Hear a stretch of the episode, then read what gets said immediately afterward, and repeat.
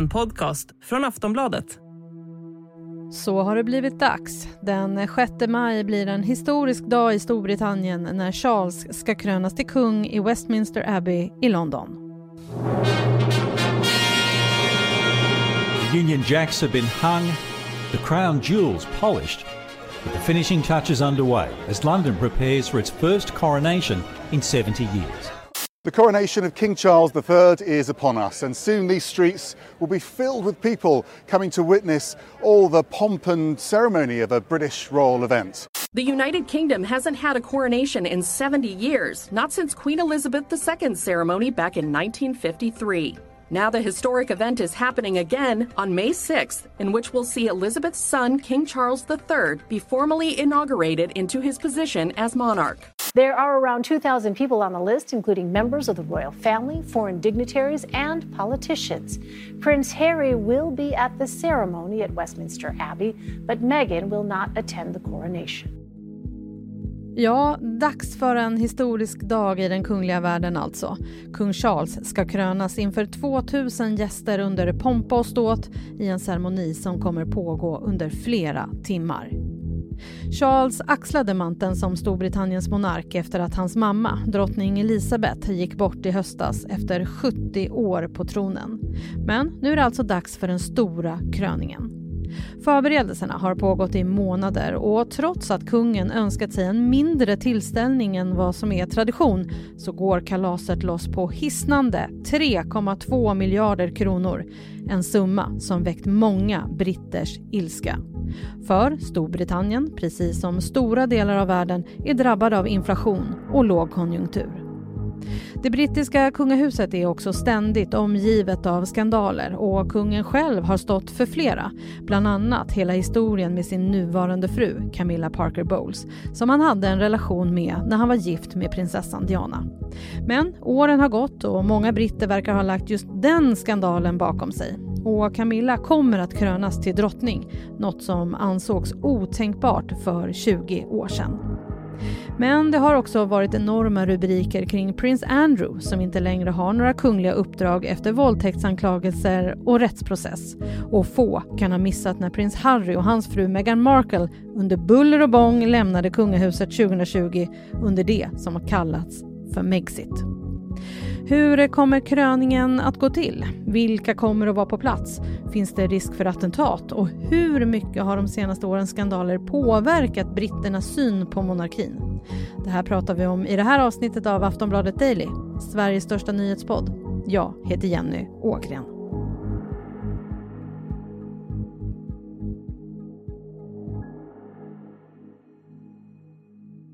Och jag har med mig Jenny Alexandersson, hovreporter hos oss på Aftonbladet och också programledare för podden Kungligt. Jenny, berätta om kröningen. Det finns så mycket att berätta om det här. Det är ett av de största kungliga evenemang som vi kommer se under lång tid framöver. Det är också ett evenemang som kommer kosta runt 3,2 miljarder kronor. Säkerhetspådraget är enormt. Men det är framförallt en historisk händelse. Vi kommer ju få se Storbritanniens nya kung krönas och få en krona på hjässan. Hur populär är kung Charles nu skulle du säga? Jag skulle säga att Storbritannien nog är ganska delat. Eh, många tycker att han har svårt att fylla drottning Elizabeths stora skor. Och ja, det är stora skor att fylla. Hon hann ju faktiskt regera i 70 år innan hennes son tog över. Sen finns det ju många som är kritiska till att han eh, ja, men att han har sagt saker genom åren som kanske inte varit så genomtänkta. Att han mest verkar intresserad av sina klimatfrågor, ekologisk odling och kanske inte har det breda perspektivet som en, eh, som en statschef ska ha. Men det finns också en grupp som tycker om honom väldigt mycket och som sätter stort hopp till att han kan kanske modernisera monarkin i Storbritannien, att han kan sätta sin egen prägel på det här och man har redan sett honom börja göra det. Speciellt genom det sätt som han då har velat modernisera själva kröningen och den ceremonin. Och hur har landet liksom förberett sig för den här kröningen? Man har planerat det här mycket länge, långt innan drottning Elisabeth dog. Men framförallt de här åtta månaderna som har passerat så har ju planeringen gått in i ett väldigt intensivt skede.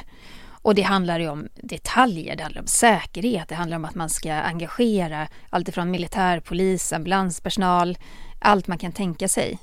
Man tror ju också att London kommer ta emot ett par miljoner, kanske tre miljoner extra människor just den här helgen.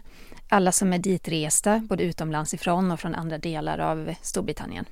Det var ju en stor happening förra året när eh, drottning Elizabeth firade 70 år på tronen. Då var det ju verkligen yra i eh, London. Är det yra nu också, tror du? Det kommer nog att bli. Jag känner väl att, eh, att det är lite mindre, alltså det är lite mer avslaget kring det här. Men eh, å andra sidan så är det alltid så här vid kungliga stora händelser att den här yran den infinner sig när festligheterna startar. Och redan eh, nu så är det ju människor som har rest in till London, man bor på hotell och man förbereder sig för en, en härlig festhelg helt enkelt. Sen har ju britterna också fått en extra ledig dag så att det är klart att de känner nog yra också för att det blir en lång helg och där man kan fokusera på någonting härligt och roligt. Och hur skiljer sig den här kröningen mot eh, drottning Elizabeth? Den hålls i lite mindre skala och det är lite svårt att ta in när vi pratar om kostnaderna på 3,2 miljarder för det är så ofantligt mycket pengar. Men eh, vid drottning Elizabeths kröning 1953 då var det ett enormt event. Man byggde ju enorma läktare inne, inne i Westminster Abbey. Det var ju nästan 8000 människor som kunde ta plats där inne. Idag eh, vid den här kröningen så, så handlar det ju mer om kanske runt 2000 gäster. Man hade också byggt läktare kring processionsvägen. Det var en mycket längre procession. Det var eh, ja, men, så mycket större av allting. Det var en fyra timmar lång eh, kröningsceremoni. Kung Charles han har valt att hålla den nere till under två timmar. Och man undrar ju så här, det som man tänker på när man ser en kung framför sig är ju det är krona och det är spira och det är äpplet och sen, de kallas ju för regalier de här grejerna. Mm. Kommer det vara mantel? Det är klart att det kommer vara mantlar och dräkter. Eh, de här riksregalierna de har ju stort symboliskt värde och de kommer vi se vid kröningen. Det är ett riksäpple, det är två spiror. Eh, kanske så är det kronorna som, spelar, som har störst symbolik såklart. Eh, han kommer få Sankt Edvards krona på gässan men innan ceremonin är över så kommer han då ha bytt den kronan mot den enormt mycket mer pampiga State Imperial Crown. crown. Men som du säger, mantlar såklart. Eh, han kommer bära en mantel som är nästan, eh, jag tror den är 400 år gammal. Oj. Så att det är också både artefakter och kläder som man måste vara enormt mycket, mycket mer rädd om såklart. Det är jättemycket detaljer kring hela den här kröningen förstår jag. Eh, men det har ju också snackats mycket inför kröningen om vilken titel som hans fru Camilla kommer att få nu. Hur blir det? Hon har ju från det då att kung Charles blev kung i höstas så fick hon ju titeln eh, Queen Consort. Och det, dess betydelse är ju att hon då är gift, ingift drottning. Hon är inte drottning i egen person. Nu har man börjat, eh, alltså på inbjudan till kröningen så såg man att det bara stod Queen. Och det är väl den statusen hon kommer ha efter kröningen också. Och man kan ju se det som så att om man tittar på Sverige till exempel så är drottning Silvia också Queen Consort. Men det är ingen som säger det om henne. Eh, hon är ju drottning. Och jag menar drottning Elisabeths mamma var ju också Queen Consort men det var ju all, alla sa ju drottning om henne också. Så det är ju en skillnad vi kommer se nu att nu är Camilla drottning. Vi ska snart prata mer med Jenny Alexandersson om kröningen. Vi är snart tillbaka.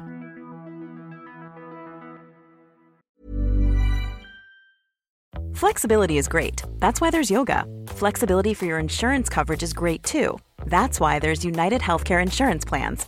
Underwritten by Golden Rule Insurance Company, United Healthcare Insurance Plans offer flexible, budget friendly coverage for medical, vision, dental, and more. One of these plans may be right for you if you're, say, between jobs, coming off your parents' plan, turning a side hustle into a full hustle, or even missed open enrollment. Want more flexibility? Find out more about United Healthcare Insurance Plans at uh1.com.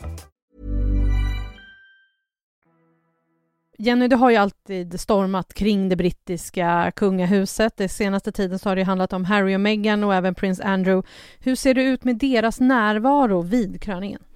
Prins Harry kommer efter lång betänketid. Han drog ut på det där svaret väldigt länge.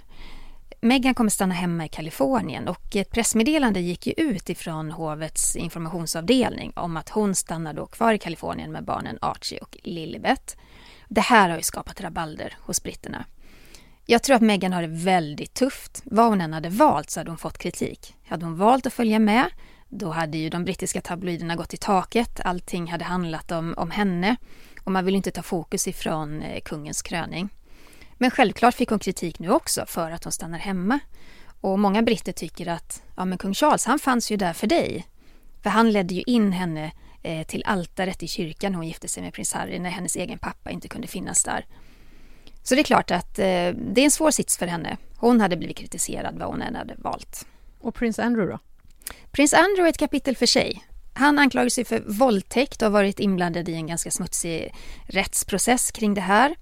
Han eh, och eh, Virginia eh, Robert Jeffrey, de gjorde upp i godo och prins Andrew betalade ganska mycket pengar till hennes välgörenhetsorganisation. Men de här sakerna förföljer honom fortfarande.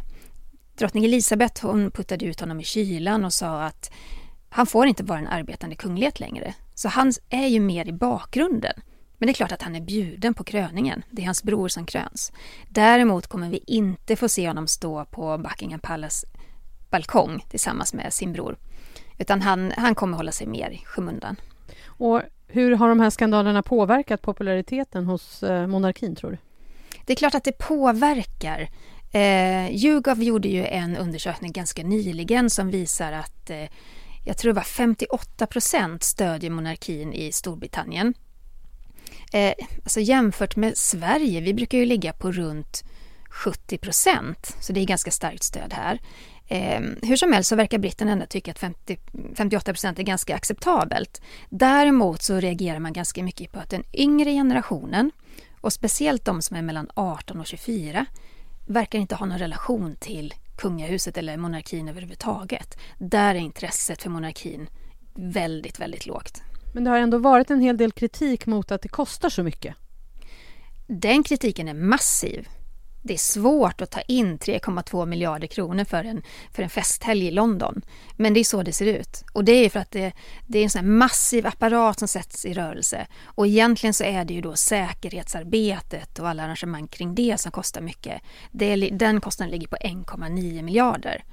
Och det är klart att när man flyger in kungligheter och statschefer och ledare från hela världen, då krävs det otroligt stor insats för att eh, hålla dem trygga och säkra. Mm, finns det oro för någon form av attack eller attentat?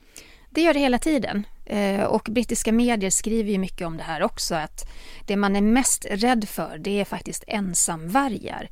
Alltså ensamma män, eh, ja, till viss del kvinnor också, som får för sig.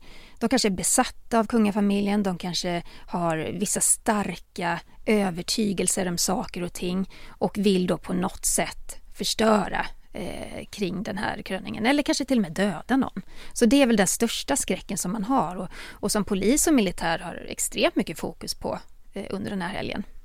Du var inne på det, det är över 2000 gäster som kommer eh, vara på plats och kungligheter flygs in, även våra svenska kommer vara där. Hur kändistätt kommer det vara? Det kommer vara kändistätt. Kungligheter, absolut, men vi kommer säkert få se andra kända gäster också. När man kollar på de kungliga brittiska bröllopen som har varit den senaste tiden så ja, det är mycket kändisar. Victoria och David Beckham, de har ju typ prenumererat på en plats i kyrkan på de här bröllopen. Eh, Elton John, eh, ja men det finns en rad kändisar som, som kommer att gå på den här röda mattan. Men nu pratade du om Elton John. Hade han ändå tackat nej till att eh, uppträda under dagen, även eh, som även Harry Styles och Spice Girls hade gjort? Varför gjorde de det?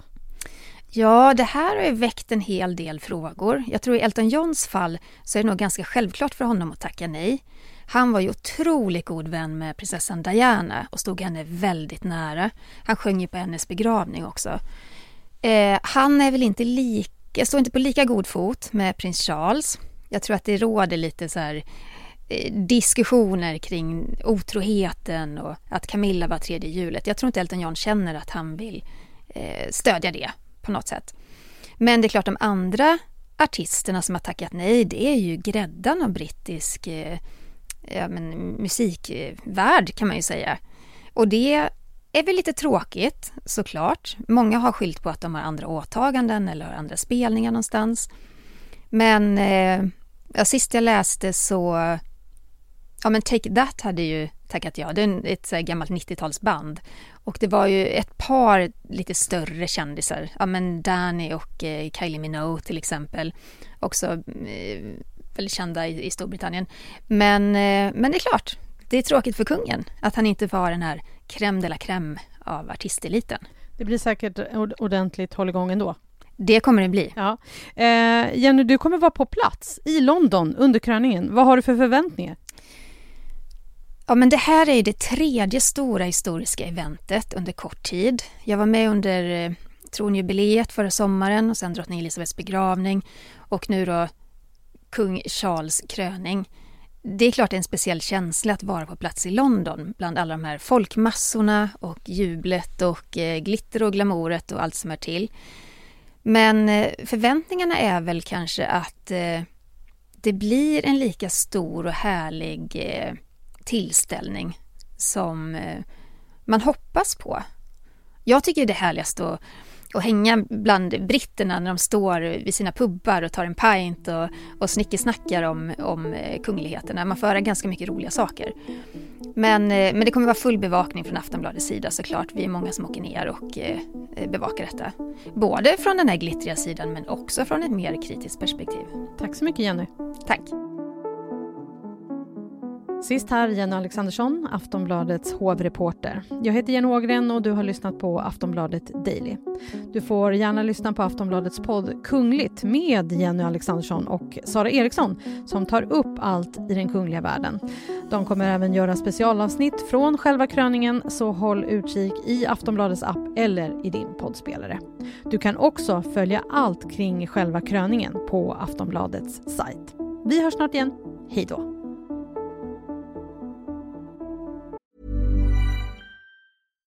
Flexibility is great. That's why there's yoga. Flexibility for your insurance coverage is great too. That's why there's United Healthcare Insurance Plans. Underwritten by Golden Rule Insurance Company, United Healthcare Insurance Plans offer flexible, budget friendly coverage for medical, vision, dental, and more. One of these plans may be right for you if you're, say, between jobs, coming off your parents' plan, turning a side hustle into a full hustle, or even missed open enrollment. Want more flexibility? Find out more about United Healthcare Insurance Plans at uh1.com. Du har lyssnat på en podcast från Aftonbladet. Ansvarig utgivare är Lena K Samuelsson.